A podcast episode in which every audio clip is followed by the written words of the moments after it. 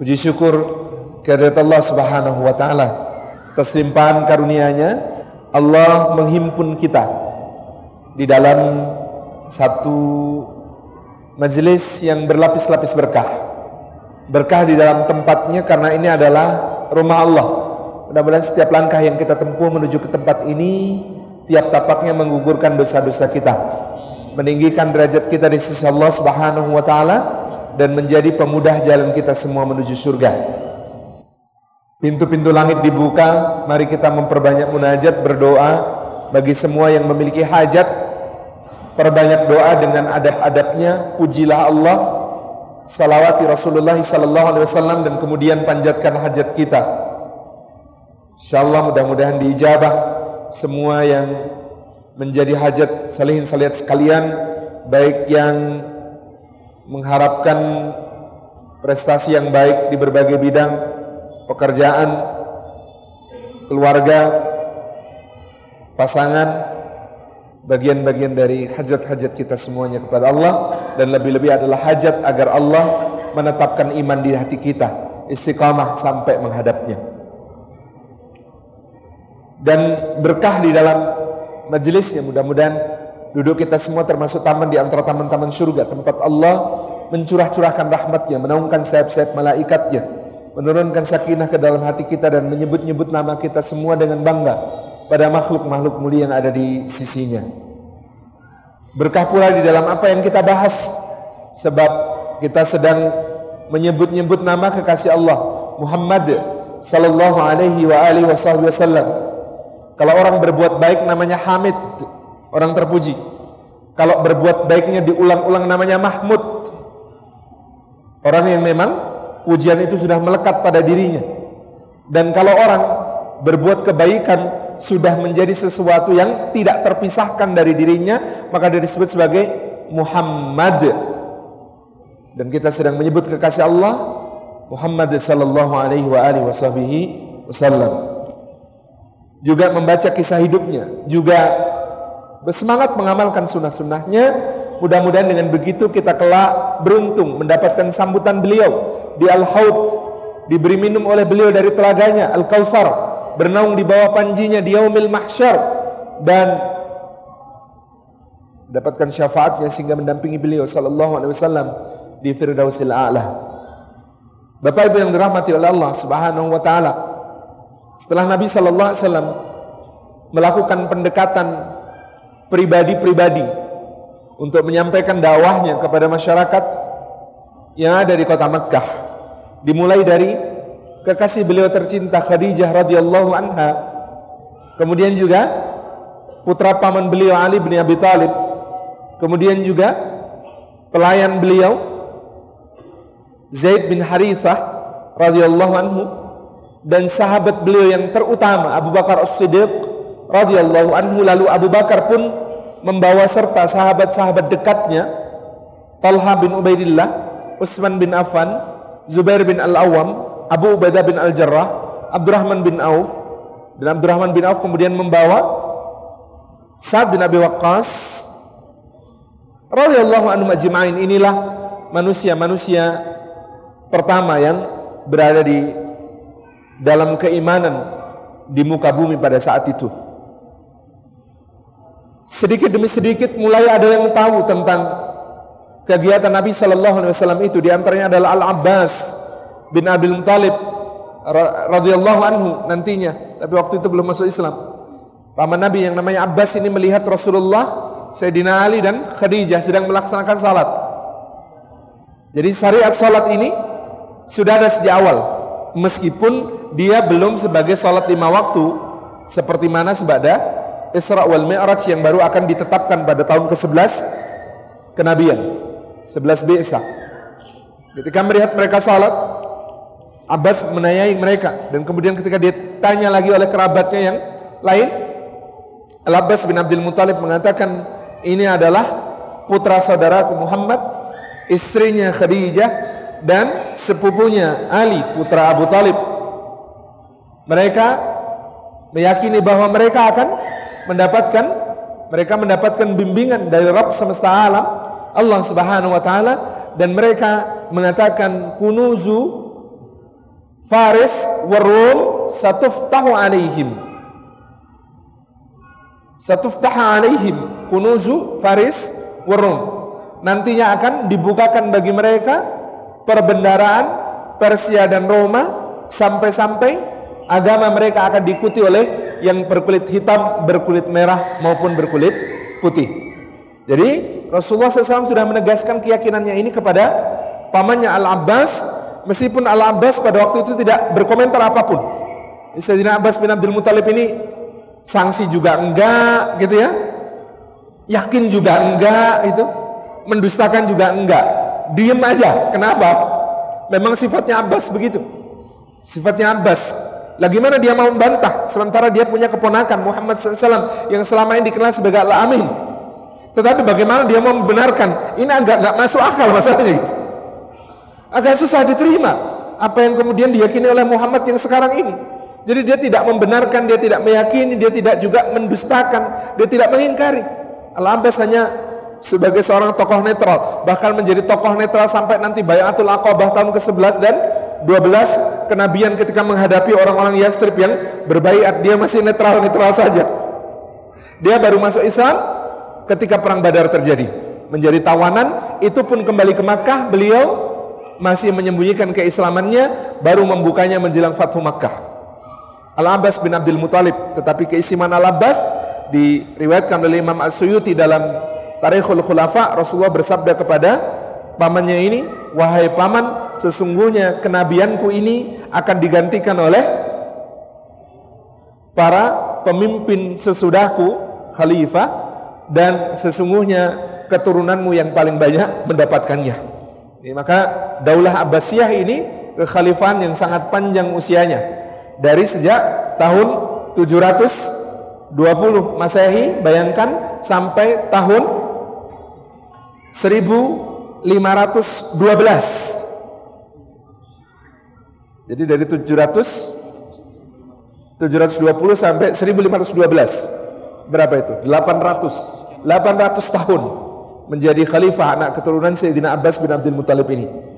Ini yang menjadi keutamaan beliau Al-Abbas bin Abdul Muthalib radhiyallahu anhu dan ada satu hadis yang menarik tentang Al-Mahdi yang menjadi pemimpin umat Islam di akhir zaman selain dari garis keturunan Sayyidina Ali bin Abi Thalib ternyata Al-Mahdi ini juga punya darah Sayyidina Abbas bin Abdul Muthalib dengan keturunanmu wahai paman umat ini akan ditutup ini yang menjadi sebuah sabda Nabi Shallallahu Alaihi Wasallam riwayat Imam Ahmad, riwayat Imam At-Tirmidzi, riwayat Imam Abu Dawud dan kemudian dicantumkan oleh Imam Asyuti di dalam kitab beliau Tarikhul Khulafa.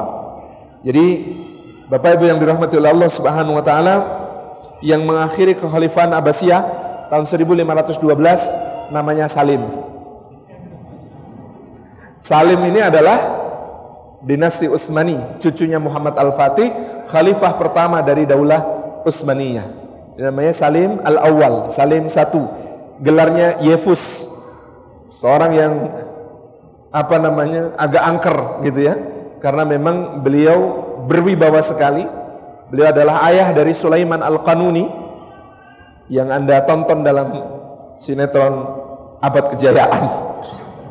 Nah, itu bapaknya. Jadi Salim inilah khalifah pertama Daulah Utsmaniyah. Jadi bukan Muhammad Al-Fatih. Muhammad Al-Fatih itu Sultan Ghazi. Tapi kedudukan beliau masih mengakui kekhalifahan Abbasiyah yang ketika itu berkedudukan di Mesir di bawah Sultan-Sultan Mamluk. Sementara khalifah terakhir Abbasiyah Al-Mu'tadid inilah yang kemudian pada tahun 1512 diturunkan dari tahtanya dan kemudian Salim memboyong semua semua artefak yang terdiri dari jenggot Rasulullah, kuku Rasulullah, telapak kaki Rasulullah, cap telapak kaki Rasulullah, jubah Rasulullah, sorban Rasulullah, pedang Rasulullah dan semua yang ada pada Khalifah Abbasiyah dibawa ke Istanbul dan sekarang bisa kita saksikan di museum, museum Topkapi, Topkapi, Istana Topkapi di di Turki. Itu diangkut oleh Salim. Jadi Salim ini pada masa pemerintahannya eh, daerah kekuasaannya meningkat 35 kali lipat luasnya dibanding masa ayahnya. Jadi dia meluaskan Turki itu Utsmani 35 kali lipat. Dia kekuasaannya membentang dari Maroko sampai kemudian seluruh Mesir sampai kemudian Hijaz dan dia memakai sebuah gelar baru. Nama gelar barunya Malikul Barrain, Raja dua benua. Wa Haqanul Bahrain dan Khan Agung dua samudra. Wa Khadimul Haramain dan pelayan dua tanah suci. Khalifatullah wa fil ard. Khalifahnya Allah dan bayang-bayangnya di muka bumi. Serem banget gelarnya Salim. Khalifatullah wa fil ard gitu ya. Kemudian dia sebutkan Kaisar Irumi Sultan Ghazi Yevus Salim Al-Awwal. Ini khalifah pertama Daulah Utsmaniyah. Kemudian Bapak Ibu yang dirahmati Allah Subhanahu wa taala, Nabi SAW ini karena sudah banyak di antara anggota kerabat beliau, keluarga beliau yang tahu, maka pada sekitar tahun ketiga menurut jumhur muarikh, jumhur peneliti sejarah, pada tahun ketiga beliau mendapatkan perintah Allah Subhanahu wa taala dalam surah Al-Hijr ayat yang ke-94. Allah Subhanahu wa taala mengatakan kepada beliau sallallahu alaihi wa alihi wasallam fasda bima tu'mar wa a'rid 'anil musyrikin. Fasda maka berterus teranglah engkau wahai Muhammad bima tu'mar kepada apa yang telah diperintahkan kepadamu yakni wahyu dinul Islam wa a'rid 'anil musyrikin dan berpalinglah engkau wahai Muhammad dari orang-orang yang berbuat kesyirikan Saat itu Allah Azza wa Jalla telah memerintahkan Rasulnya untuk memulai sebuah fase dakwah baru dari yang semula hanya sembunyi-sembunyi, dari yang semula adalah hubungan antar pribadi, dari yang semula hanya antara beliau dengan orang-orang terdekat beliau sallallahu alaihi wasallam menjadi sebuah dakwah yang terbuka. Dan asas dakwah adalah terbuka. Pada aslinya disebut dakwah seruan karena dia terbuka.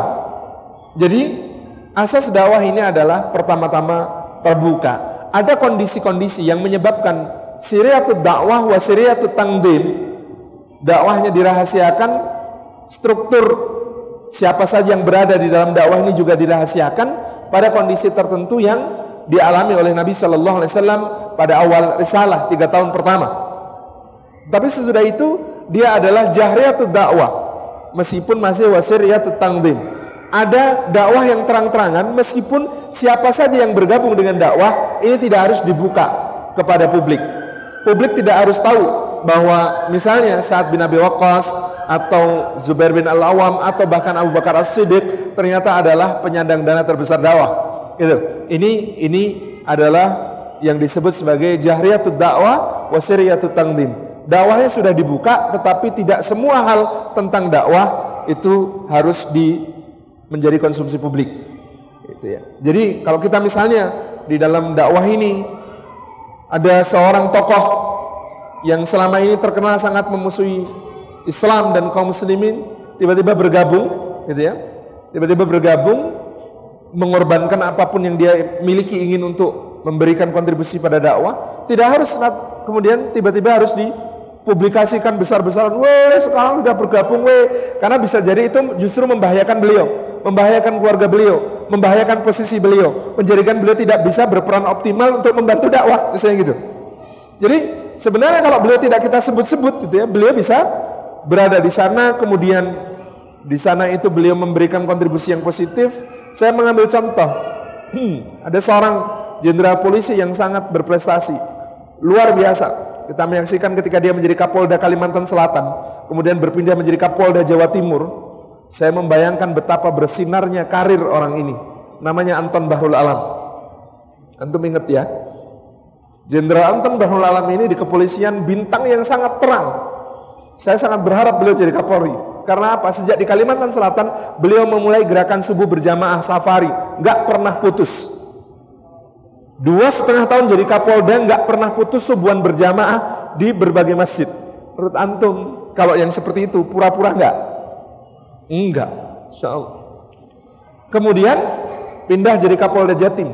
Nah, ini sudah Kapolda tiga besar, gitu ya. Sudah Jatim, Jabar, DKI. Nah, ini sudah arah-arah. Sudah arah-arah ke arah Trunojoyo satu, kan begitu. Tapi sayang, justru karena beliau itu diekspos habis-habisan berbagai kegiatan keagamaannya, gitu ya, oleh teman-teman yang aktivis dakwah yang bersemangat, akhirnya apa yang terjadi? Cut. Ini menjadi kerugian justru bagi kita karena yang naik menjadi Kapolri, kemudian yang berikutnya, berikutnya, berikutnya, berikutnya, berikutnya bukan makin baik, bukan makin baik. Kita tahu sendirilah. Nah, Ibu yang dirahmati Allah, inilah yang dimaksud sebagai siriyatut uh, jahriyatut dakwah wa siriyatut tangdim. Dakwahnya harus terbuka. Rasulullah SAW diperintahkan untuk menyampaikan apa-apa yang telah diperintahkan oleh Allah Azza wa Jalla kepada beliau kepada masyarakat secara luas. Fasda bima tu'mar. Sampaikan terus tenang tentang apa yang telah diperintahkan kepadamu bahwa engkau ini adalah diutus Allah untuk menjadi mubasysyira, pembawa kabar gembira, wa dan pemberi peringatan, wa da'iyan ila Allah bi'idnih dan menjadi penyeru manusia ke jalan Allah dengan izinnya, wa munira dan menjadi seorang yang pelita menerangi. Masya Allah. Jadi sirajan munira, pelita yang menerangi. Ini yang harus kemudian fungsi-fungsi yang dijalankan Nabi SAW. Pemberi kabar gembira, pemberi peringatan. Penyeru ke jalan Allah. Pembawa cahaya, siraja, munira. Rasulullah itu disifati siraja munira. Padahal yang namanya matahari hanya siraja, yang namanya bulan hanya munira. Jadi matahari itu waja'alna syamsa siraja waja'alna al-qamara munira wa qamaran munira. Kami jadikan matahari sebagai siraja, pelita tata surya ini. Sementara yang namanya bulan dijadikan bercahaya, memendarkan, memantulkan kembali cahaya yang diterima dari matahari untuk menjadi yang memberi terang pada malam hari. Ini kalau Rasulullah disifati siraja munira, maka Rasulullah itu yang memberi cahaya kita, membimbing hidup kita menjadi sinaran yang kita ikuti siang dan malam. Siang dan malam. Siraja munira. Nah, wa'arid anil musyrikin dan Allah Subhanahu wa taala memerintahkan kepada beliau sallallahu alaihi wasallam wa'arid berpaling. Apa makna berpaling? Kalau dulu menghadap ke sini, lalu menghadap ke sana. Ini namanya berpaling. Tidak lagi menghadapkan wajahnya kepada orang-orang yang berbuat kemusyrikan. Maknanya satu, beliau SAW tidaklah berdekat-dekat lagi dengan kemusyrikan orang-orang musyrik dan aktivitas kemusyrikan mereka. Beliau tidak berdekat-dekat lagi dengan berbagai kegiatan kemusyrikan dan orang-orang yang dengan jelas-jelas melakukan kemusyrikan. Berpalinglah dari mereka. Yang kedua, beliau juga diminta untuk tidak usah pedulikan bahwa tantangan dakwah yang begitu berat, yakni semua orang mempersekutukan Allah di seluruh kota Makkah pada saat itu hampir semua orang mempersekutukan Allah. Mereka mengenal Allah sebagai Rabb tetapi mereka tidak menyembah Allah Azza wa Jalla melainkan justru menyembah berhala-berhala. Nama Allah hanya muncul dalam sumpah serapah. Wallahi, wallahi. Kalau sedang bersumpah serapah pakai wallahi, wallahi. Nama Allah Subhanahu wa taala hanya muncul di dalam dokumen-dokumen yang mereka tanda tangani di dalam perjanjian-perjanjian. Karena semua dokumen menggunakan kalimat bismikallahumma dengan namamu ya Allah. Tidak pakai ahya wa amut. Tapi semua dokumen itu ada tulisannya bismikallahumma. Ini yang kemudian menjadi satu sisa-sisa dari apa-apa yang kemudian Hanifiyah agamanya Ibrahim alaihissalam yang lurus yang tersisa hanya pada sumpah serapah dan dokumen penyebutan nama Allah. Sementara dalam ibadah mereka membuat tasyrik sendiri, syariat-syariat ibadah sendiri tentang domba, tentang unta, tentang undian dengan anak panah, tentang bagaimana bertawaf kepada berhala, memberi sesaji kepada berhala, mengoleskan minyak wangi kepada berhala, gitu ya.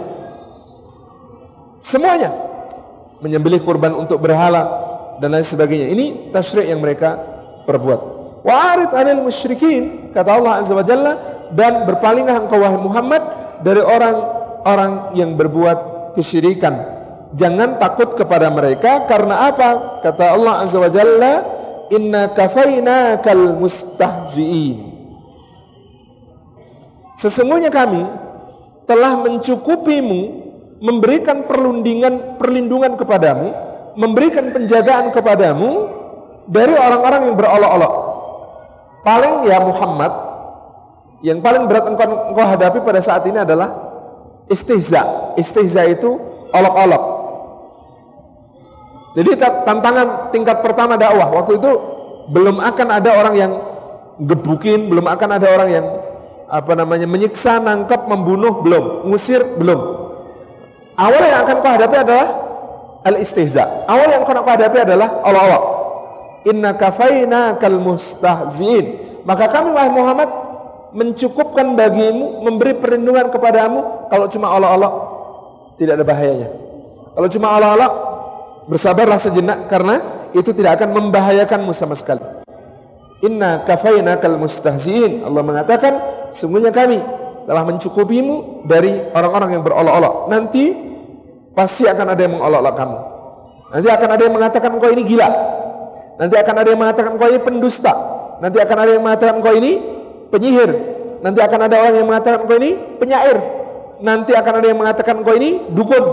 Nanti akan ada yang mengatakan engkau ini kena penyakit dan lain sebagainya. Inna kafainakal mustahzin. Tetapi wahai Muhammad, demikian itu tetap fasda bima tu'mar.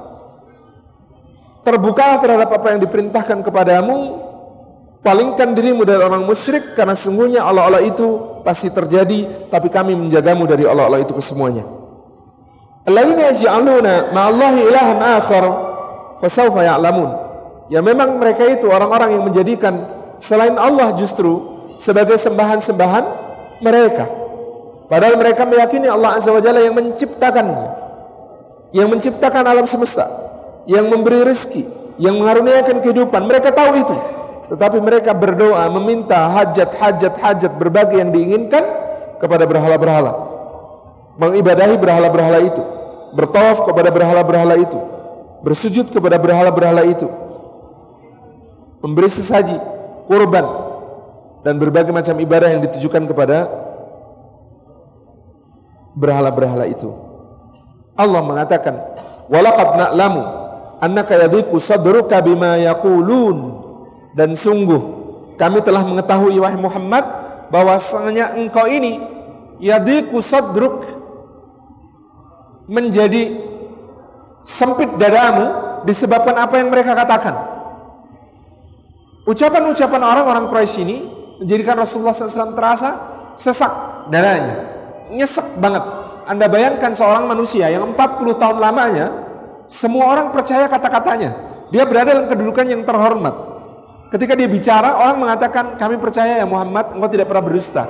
Oh tentu ya Muhammad, engkau ini orang jujur. Oh iya, benar. Kalau engkau yang mengatakannya, pastilah benar wahai Muhammad. 40 tahun hidup di dalam suara seperti itu. Di dalam sambutan seperti itu.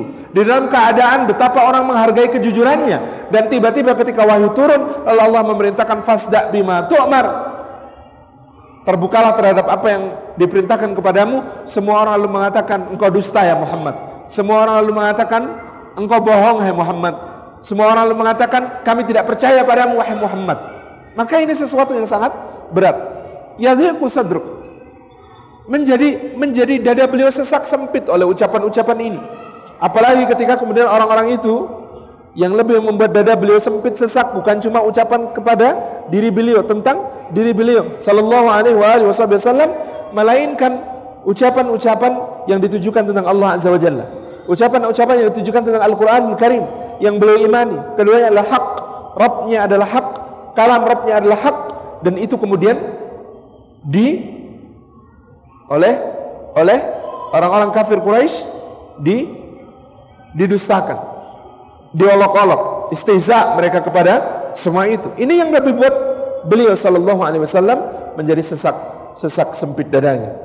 Maka sempit sesak dada kita ini terhadap segala istiza kepada Allah, kitabnya, rasulnya harus lebih kuat daripada kalau yang diolok-olok diri kita.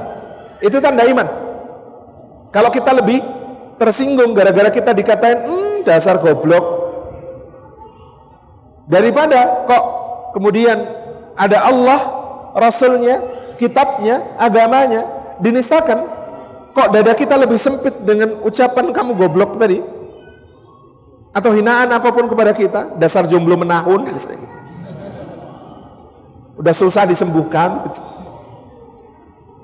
Kok itu lebih sempit sesak dada kita dibandingkan ketika Allah Rasulnya, agamanya, kitabnya ini dinistakan maka ini harus menjadi evaluasi kita. Karena Rasulullah sallallahu alaihi wasallam menjadi sempit dada beliau sallallahu alaihi wasallam menjadi sesak dada beliau ketika Allah dinistakan ketika kitabnya dinistakan. Melebihi diri beliau sendiri yang memang pribadi beliau sangat sangat mulia. Apa obatnya? Allah azza wa jalla mengatakan fasabbih bihamdi rabbika wa kum minas sajidin. Fasabbih bihamdi rabbika wa kum minas sajidin. Obatnya sesak sempit dada. Ini adalah bertasbih memuji Allah dan berada bersama orang-orang yang sujud. Itulah kenapa kapak maut naga geni 212 berubah menjadi aksi salat bersama-sama. Karena ini adalah perintah Allah Subhanahu wa taala. Ketika dada kita sesak sempit terhadap ucapan orang tentang kitab Allah yang mulia, tentang agama Allah yang mulia, tentang Rasul Allah yang mulia, tentang zat Allah yang azza wa jal. Maka kemudian obatnya adalah fasabbih bihamdi rabbika wa kum minas sajidin. Maka bertasbihlah memuji Allah Subhanahu wa taala dan jadilah termasuk orang-orang yang sujud bersama-sama di dalam sujud, bersama-sama di dalam rukuk, bersama-sama di dalam berdiri mengagungkan Allah Azza wa Jalla. Jadi jelas fikihnya. Wakum minas sajidin.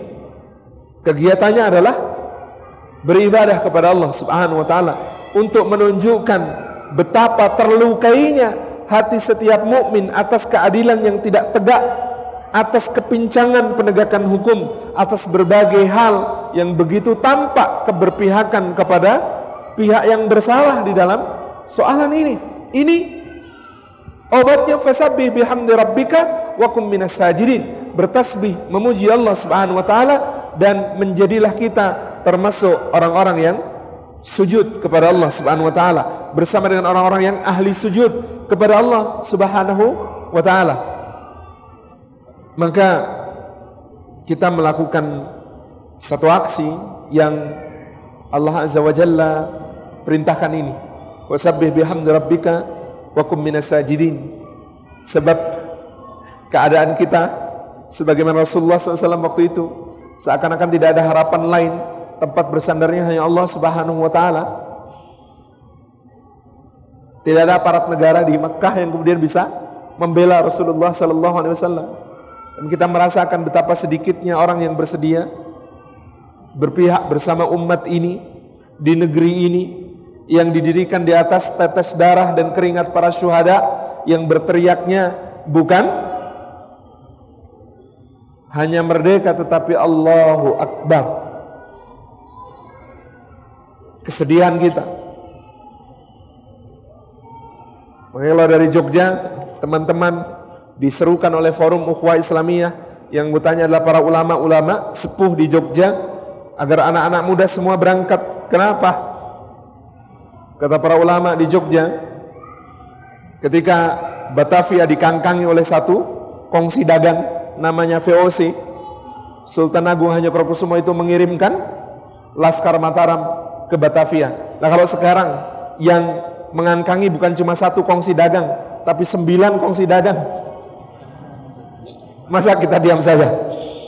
Ini kita bertarung melawan satu orang kayaknya, tapi satu orang ini adalah pion dari begitu banyak kepentingan-kepentingan raksasa yang perlu kita cegah maksud buruknya terhadap negeri kita tercinta insya Allah.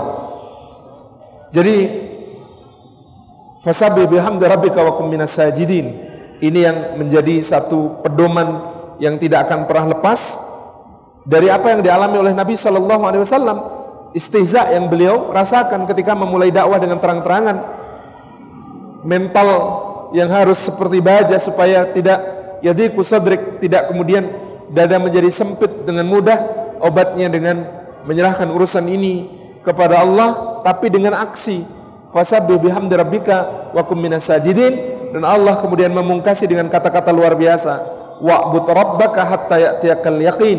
Dan beribadahlah menyembah Rabbmu sampai datang al-yaqin. Apa makna al-yaqin? Kematian. Meskipun sampai kematian datang, maka tugas kita tidak pernah lepas. Ini adalah ibadah kepada Allah. Bahwa Allah maha mudah baginya untuk menyelesaikan persoalan ini dengan kemahakuasaannya, dengan kemahaperkasaannya. Betul, tetapi memang tetap harus ada orang-orang yang berjuang bagi kepentingan siapa? Kepentingan orang-orang yang berjuang itu sendiri di hadapan Allah Subhanahu wa taala. Bagi Firaun yang merasa bisa menggenggam negeri Mesir, mengalirkan sungai Nil, menjajah Bani Israel, ada Musa yang tidak putus asa. Tetapi memang nanti Allah akan mengakhiri dengan perkara yang kecil, yaitu air. Bagi Namrud yang congkak mengatakan anak ohhi wa umid, saya bisa menghidupkan dan mematikan karena itu saya adalah Tuhan sesembahan ada Ibrahim yang berani mendebatnya fa inna rabbi ya'ti bisyamsi minal masriq fa'ti biha minal maghrib. Ada Ibrahim yang mendebatnya dengan tidak putus asa juga. Tetapi apa yang menjadi akhir hidupnya? Hanya nyamuk kecil yang kemudian menjadi akhir kesudahan cerita seorang Namrud. Ada gegap gempita pasukan Ahzab dipimpin Abu Sufyan bin Harb mengepung Madinah berniat untuk menghancurkan Rasulullah dan para sahabat selama-lamanya adalah Rasulullah SAW dan para sahabatnya menggali khandak dengan tenaga-tenaga yang kemudian mereka kerahkan sampai mereka kepayahan berjaga siang malam sampai sholat harus jamak duhur asar maghrib isya. Tetapi bagaimana Allah mengakhiri mereka? Angin. Selesai. Kita bisa melihat sejarah bicara seperti ini Pejuang itu selalu harus hadir ada meskipun Allah Subhanahu wa taala menjanjikan pertolongan agung yang pasti akan mengakhiri perkara-perkara yang besar ini dengan yang kecil saja. Ketika Abraha menyerang Ka'bah dengan begitu pongah memakai pasukan bergajah, apa yang terjadi? Ada Abdul Muthalib kakek Nabi yang menyerahkan urusan rumahnya kepada Allah dengan tidak mau menyerah, tidak mau menyerahkan Ka'bah tetapi dia serahkan kepada Allah Subhanahu wa taala urus sendiri dengan Allah. Yang menyelesaikan urusan ini burung-burung kecil bawa batu dari sijil dilemparkan lalu mereka kerikil ini menghancurkan mereka semuanya. Jalut yang sombong, raja yang perkasa, tubuhnya besar, pasukannya raksasa. Untuk melawannya ada pejuang namanya Talib yang bastatang fil ilmi wal jismi diberi keluasan Allah dalam ilmu dan fisik yang perkasa. Tapi untuk menghancurkan Jalut, apa yang dipilih Allah? Cuma batu ketapel dari seorang bocah yang masih bocah namanya Daud alaihissalam. Pejuangnya harus ada. Tetapi bagaimana Allah menyelesaikan? Manusia kekuatannya sangat terbatas. Bukan manusia yang akan menyelesaikan ini semua tetapi Allah yang akan mengatasinya. Jadi terhadap kezaliman tugas kita adalah fasabbih bihamdi rabbika wa kum minas sajidin wa'bud rabbaka hatta ya'tiyakal yaqin. Inilah yang kemudian diterapkan oleh Nabi SAW sesuai dengan tauji Rabbani dari Allah Azza wa Jalla. Bapak Ibu, ikhwan dan akhwat yang dimuliakan oleh Allah Subhanahu wa taala, di antara tugas berat Rasulullah sallallahu alaihi wasallam adalah bagaimana awalnya beliau diminta untuk memberikan peringatan ini, dakwah ini kepada keluarga yang terdekat. Allah mengatakan wangdir asyiratakal aqrabin wahai Muhammad dan berilah peringatan kepada kaum kerabatmu yang paling dekat. Berilah peringatan kepada kaum kerabatmu yang paling dekat. Wafid janaha kaliman ittaba'aka minal mu'minin. Wafid, wafid itu rendahkan, janahaka itu sayapmu. Antum membayangkan enggak merendahkan sayap itu gimana ceritanya? Wafid janahaka Fit janahaka itu kayak orang Jawa ini sewu gitu. Nyun sewu gitu ya. Jadi ternyata andap asar itu dari ayat Al-Quran wahfid janahaka liman ittaba'aka minal mu'minin seorang Nabi SAW bahkan diperintahkan untuk andap asar kepada siapa?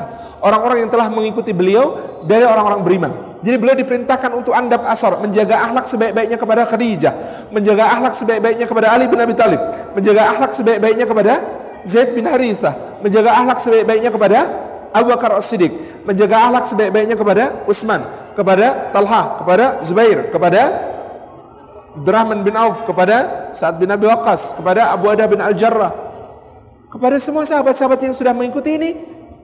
Allah mengatakan wahfid janah kalimat tabaka minal mu'minin bahkan kepada Bilal, bahkan kepada Abdullah bin Mas'ud, bahkan kepada Ammar bin Yasir, bahkan kepada Khabbab ibn al-Arad, kepada orang-orang yang aradil Quraisy dianggap sebagai orang-orang rendahan, Nabi SAW tetap diperintahkan untuk andap asar. Kenapa? Mengikat kesatuan pemimpin yang rendah hati itu membangun cinta yang sangat kokoh di hati orang-orang yang mengikutinya. Wa fajjanaha kaliman ittaba'aka minal mu'minin. Wa anzir ashiratakal aqrabin, beri peringatan kepada kaum kerabatmu yang terdekat apa yang dilakukan oleh Nabi sallallahu alaihi wasallam. Beliau naik ke bukit Safa. Kemudian beliau mengatakan, Wahai Bani Abdul Muthalib, Wahai Bani Hashim, Wahai Bani Muthalib, Wahai Bani Abdi Manaf. Antum tahu level-level keturunan ini? Bani Abdul Muthalib berarti saudara beliau sekakek. Bani Hashim berarti saudara beliau se kakek buyut. Bani Muthalib berarti saudara beliau se kakek canggah yakni Bani Abdi Manaf ini saudara secanggah semuanya inilah sebagian ulama mengatakan disebut asyirat itu saudara secanggah saudara sekakek canggah ini disebut sebagai asyirat wa angdir asyirat akal akrabin ternyata akrabinnya Rasulullah SAW itu asyiratnya beliau adalah sampai kakek canggah sampai Abdi Manaf sampai Abdi Manaf. Maka ada Naufal bin Abdi Manaf gitu ya. Dan beberapa Naufal bin Abdi Manaf, Hashim bin Abdi Manaf, uh, Mutalib bin Abdi Manaf, Abdiddar bin Abdi Manaf. Ada banyak anak-anak Abdi Manaf ini kesemuanya turun ke bawah asyirat. Nah, kalau di Jawa asyirat itu disebut sebagai trah. Ada tiap tahun kalau ketemu arisan trah gitu ya saya kira di Jawa Barat juga ada, di masyarakat Sunda juga ada terah ya. Terah ini ukurannya adalah asyirat, kakek canggah. Saudara sampai kakek kakek canggah. Akrabin, siapa akrabin? Akrabin orang yang kalau asyirat hubungannya darah, akrab hubungannya adalah jiwa. Ada orang-orang yang asyir dekat hubungan darah tapi tidak akrab. Hubungan jiwanya tidak dekat. Ada orang yang bukan asyir tapi akrab. Abu Bakar itu bukan asyir. Karena ketemu nasabnya di atas lagi, lebih di atas lagi.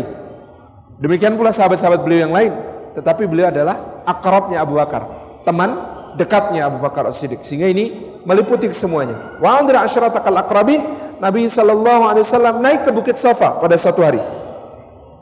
Di atas Bukit Safa, Nabi SAW kemudian bersabda, Ayo Quraisy. Nah ini lebih luas lagi. Wahai Quraisy. Kalau aku mengatakan kepada kalian bahwa di belakang bukit ini terdapat sepasukan berkuda yang siap untuk menghancurkan kota Makkah, apakah kalian percaya? Maka orang-orang menjawab, Bala, tentu saja kami percaya.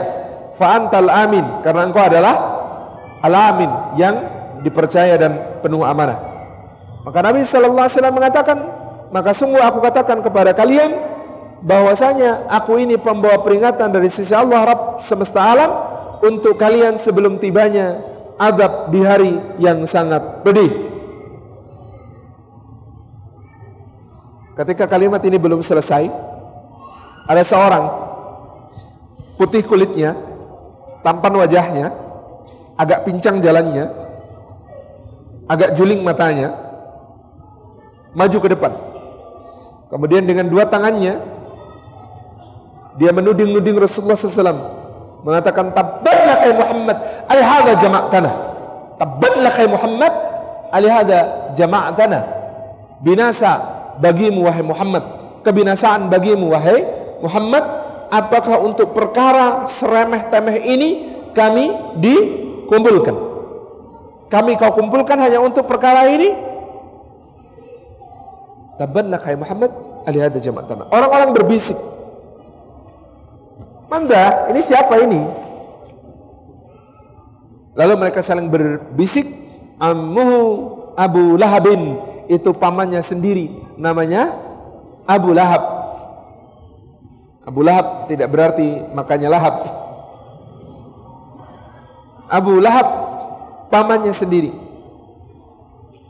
Lalu orang berkata, kalau pamannya sendiri mendustakannya, apa urusan kita untuk percaya kepadanya? Jadi logikanya adalah kalau pamannya sendiri mendustakannya, apa urusan kita untuk percaya kepadanya? Orang Makkah itu sangat menghormati kekerabatan. Sangat menghormati kekerabatan. Sangat pantang bagi mereka merusak tali kekerabatan. Dan kalau ada masalah antar kerabat, mereka tidak akan ikut campur dengan memihak salah satu. Itu paman sama keponakan ribut sendiri. Biarin, nggak usah ikut-ikut. Itulah kenapa kehadiran Abu Lahab ini menjadi tantangan pertama dakwah Rasulullah Sallallahu Alaihi Wasallam karena berasal dari kaumnya sendiri. Bahkan hubungannya sangat dekat, dia pamannya. Paman yang bahkan pada saat Rasulullah SAW lahir menyelenggarakan pesta jamuan kelahiran, tasyakuran kelahiran Muhammad Sallallahu Alaihi Wasallam. Abu Lahab, tabbanlah kayak Muhammad, ali ada jamak tanah dan paman sekaligus besan, besannya besan double kalau cuma besan sekali itu, ya wajar. Ini besan double. Berarti kan hubungannya sangat khusus. Jadi Ruqayyah dan Ummu Kulsum putri Rasulullah SAW itu dinikahkan dengan Utbah dan Utaibah putra Abu Lahab. Anda bisa bayangkan ini kayak apa kedekatan hubungan mereka tiba-tiba ketika Rasulullah berdakwah Abu Lahab mengatakan tabban ya Muhammad ali hadza jama'tana. Maka pendustaan oleh Abu Lahab ini pendustaan yang paling terasa berat bagi Rasulullah Sallallahu Alaihi Wasallam. Karena apa? Berasal dari kalangan kerabatnya sehingga orang-orang mengatakan kalau pamannya sendiri mendustakannya, apa urusan kita percaya kepadanya? Apa urusan kita percaya kepadanya? Gara-gara Abu Lahab inilah dalam tanda kutip qadarullah wa masya'fa'al dakwah Rasulullah terhalang dengan batu sandungan yang sangat keras. Namanya Abu Lahab. Inilah tantangan pertama beliau sallallahu alaihi wasallam justru dari kaum terdekat kerabat beliau yang adalah paman beliau yang demikian gigih menentang beliau, dakwah beliau, mendustakan beliau sallallahu alaihi wasallam. Maka karena permusuhan yang keras dari Abu Lahab ini, Allah Azza wa Jalla juga tidak rela rasulnya dihinakan di depan umum. Allah Azza wa Jalla tidak rela ayat-ayatnya dihinakan di depan umum. Maka Allah membalas Abu Lahab. Membalas Abu Lahab dengan kata-kata Tabbat syada Abi Lahab wa tab binasa kedua tangan Abu Lahab dan benar-benar binasa. Ini balasan Allah Subhanahu wa taala. Di antara tokoh-tokoh Quraisy, di antara tokoh-tokoh Quraisy yang disebut namanya di dalam kutukan yang diberikan oleh Allah, Abu Lahab. Maka sejak awal begitu ayat ini turun, sudah kita ketahui dengan pasti sampai mati Abu Lahab tidak akan diampuni oleh Allah Subhanahu wa taala. Betapa ironinya padahal Abu Lahab adalah paman Nabi sallallahu alaihi wasallam. Betapa ironinya karena dia yang menyelenggarakan sebuah perjamuan kesyukuran atas kelahiran Rasulullah SAW. Tabbat syada abi lahabi wa tab ma'aghna anhu maluhu wa ma kasab. Karena sungguh tidak akan bermanfaat baginya segala yang dia usahakan, juga harta-hartanya. Berapapun banyaknya. Karena telah tidak berguna pula baginya hubungan nasab hubungan keakraban, hubungan kekeluargaan dengan Nabi Sallallahu Alaihi Wasallam. Saya selana orang Lahab, dia akan memasuki neraka Zata Lahab yang memiliki api menyala-nyala. Wa mar'atu hammalatal hatab dan istrinya katut istri. Istrinya ikut Makanya antum kalau mendoakan pengantin jangan cuma langgeng ya gitu. Makanya antum kalau mendoakan pengantin jangan cuma langgeng dunia akhirat ya. Lah ini ada contoh loh, langgeng dunia akhirat. Namanya Abu Lahab sama Ummu Jamil. Ummu Jamil, tahu artinya Ummu Jamil? Ummu, ibu gitu ya. Jamil seharusnya nama orang ganteng gitu ya. Ummu Jamil ibu yang cantik. Tidak bermanfaat tidak bermanfaat kekerabatannya, tidak bermanfaat hartanya, tidak bermanfaat usahanya, tidak bermanfaat kecantikannya, tidak bermanfaat segala apa yang kemudian ada pada dirinya. Wa mar'atu hatab dan istrinya si pembawa kayu bakar. Kenapa dia sebut pembawa kayu bakar? Mana kiasannya adalah dia tukang menyalakan api permusuhan, dia tukang menyalakan api fitnah, dia tukang. Jadi kalau ada orang nyalain api kecil, kasih kayu bakar biar tambah gede, gitu ya. Jadi kalau ada berita kecil tentang Muhammad gitu ya, oh dia tambahin supaya menjadi berita besar, gitu. Hatab. Inilah wanita itu, pembawa kayu bakar yang siap untuk memberi umpan kayu bakar kepada api apa pun, sekecil apa pun yang sedang menyala. Fiji dia hablum mim yang di lehernya ada tali dari sabut. Ini mufasir berbeda pendapat tentang makna dari tali sabutnya ini. Sabutnya ini terbuat dari pelepah kurma, sobekan pelepah kurma yang disebut sebagai sabut ini. Jadi kenapa dia disebut memakai tali dari sabut ini adalah perhiasan yang sangat buruk yang melambangkan betapa seseorang tidak punya kehormatan sama sekali sampai dia harus bikin perhiasannya dari sabut. Ini menurut sebagian mufasir demikian. Dan sabut ini adalah yang akan dia pakai di neraka kelak, gitu ya, yang kemudian menjadikan dia terbakar lebih parah di bagian lehernya oleh api neraka karena adanya tali dari sabut tersebut. Subhanallah. Ini tantangan dakwah pertama yang kemudian dihadapi oleh Nabi Sallallahu Alaihi Wasallam dari musuh yang sangat dekat, besan yang paling akrab, besan ganda dan sekaligus adalah paman bagi beliau Sallallahu Alaihi Wasallam. Kemudian ketika ayat-ayat ini turun, Oh Jamil murka, Muhammad bikin syair untuk menghina kami. Dia kira cuma dia yang bisa bikin syair. Dia keliling cari Muhammad. Sampai di dekat Ka'bah dia melihat Abu Bakar As-Siddiq sedang bersandar. Dia dekati Abu Bakar. Woi Abu Bakar, mana temanmu itu? Dia bikin syair untuk mengolok-olokku. Oh, dia belum tahu rupanya. Aku ini juga penyair wanita. Lalu dia mulai bersyair. Mudammaman abaina wadinahu qalaina wa amruhu asaina. Syairnya cuma begitu mudammaman si mudammam mudammam itu kebalikan dari Muhammad Muhammad artinya terpuji mudammam artinya tercela mudammaman abaina mudammam itu si tercela itu kami tidak peduli sama sekali sama dia wadinahu qalaina dan agamanya kami tidak akan mau ikut wa amruhu asaina dan perintahnya pasti kami durhakai ini yang dikatakan oleh Ummu Jamil. Lalu dia bersungut-sungut pergi. Abu Bakar nengok ke sampingnya. Ternyata di samping Abu Bakar itu sebenarnya ada Rasulullah Muhammad wasallam. Maka Abu Bakar mengatakan, "Ya Rasulullah, apa dia tadi tidak melihat engkau? Kok saya yang disemprot?" Jadi Abu Bakar ada di sisi Rasulullah SAW. Rasulullah ada di situ. Tetapi ketika Ummu Jamil melabrak yang kena Abu Bakar, maka Rasulullah tersenyum dan mengatakan sesungguhnya Allah telah menghijab aku dari pandangan matanya yang keji. Wahai Abu Bakar, tidakkah kau perhatikan bagaimana Allah menjagaku dan menjaga namamu? Mereka itu orang-orang Quraisy mengolok-olok mudammam. Man huwa mudammam? Ana Muhammad. Kata Nabi SAW, memangnya mudammam siapa? Saya kan Muhammad. Ini dilemanya nama Muhammad bagi orang-orang yang benci mau ngejek nggak bisa karena mau ngejek pasti muji Muhammad orang yang terpuji itu nah Muhammad itu yang terpuji itu misalnya gitu ya Ummu Jamil mau bilang Muhammad itu edan dia mau bilang gitu Muhammad itu artinya orang yang terpuji edan berarti terpuji banget sampai edan banget terpujinya kalau di Ternate namanya bahaya saya dulu heran jalan bareng Mas Hamas di Ternate, gadis-gadis Ternate bilang apa? Ih, ganteng bahaya. Ganteng bahaya, bos. Ternyata bahaya itu maksudnya banget, parah gitu. Jadi ganteng parah itu ganteng bahaya. Ganteng bahaya kalau dipandangin bisa ngiris-ngiris jari sampai putus kan. Bahaya memang. Terkerama. Jadi mudaman yang diejek. Jadi mau ngejek Rasulullah ganti nama caranya. Kenapa? Kalau Muhammad gak sudah disebut, soalnya muji gitu. Maka kemudian diganti jadi mudamam. Tapi kalau kemudian ngejek mudamam, lah siapa yang kena?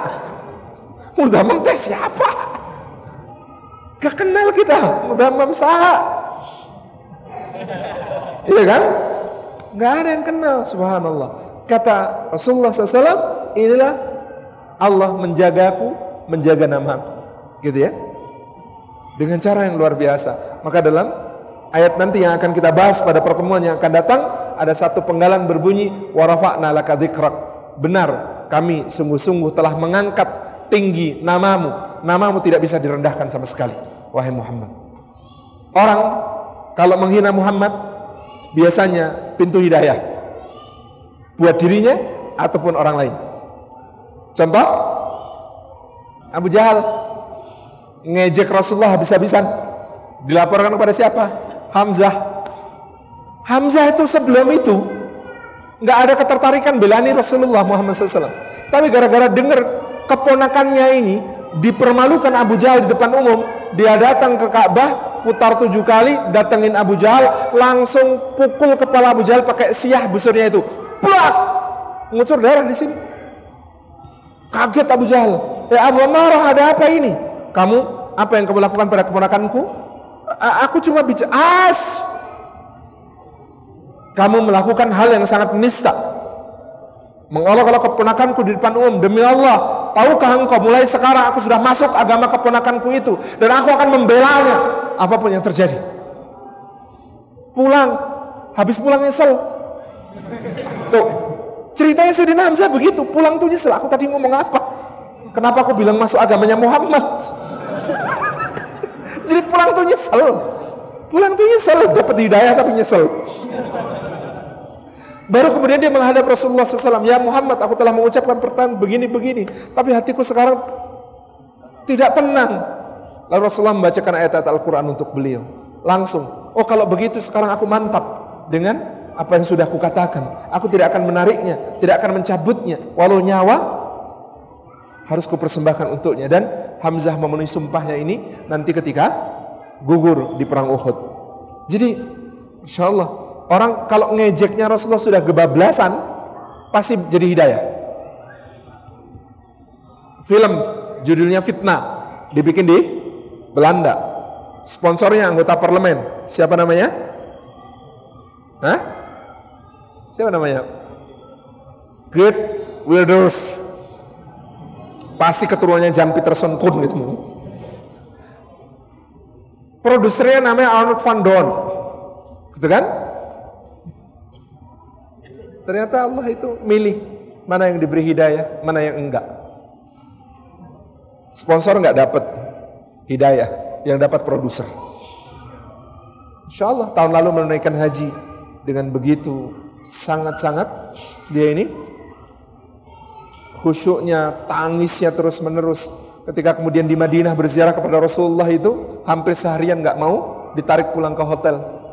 Saking merasa bersalahnya kepada Nabi Shallallahu Alaihi Wasallam. Pasti kalau pelecehannya itu sampai pada batas tertentu, dia jadi hidayah. Entah untuk dirinya, entah untuk orang lain. Antum tahu tidak kira-kira antum data nanti berapa orang yang kemudian mau ngaji tafsir surat Al-Maidah gara-gara perkara yang kemarin itu. Hidayah itu luar biasa. Jadi Allah Subhanahu wa taala itu punya skenario seperti itu. Kalau penistaan itu sudah melebihi batas, maka dia menjadi pembuka pintu hidayah, baik bagi diri maupun bagi orang lain. Ini yang kita sampaikan hari ini. Mohon maaf atas segala kurang berkenan. Jazakumullah khairan. Jazakumullah. Assalamualaikum warahmatullahi wabarakatuh.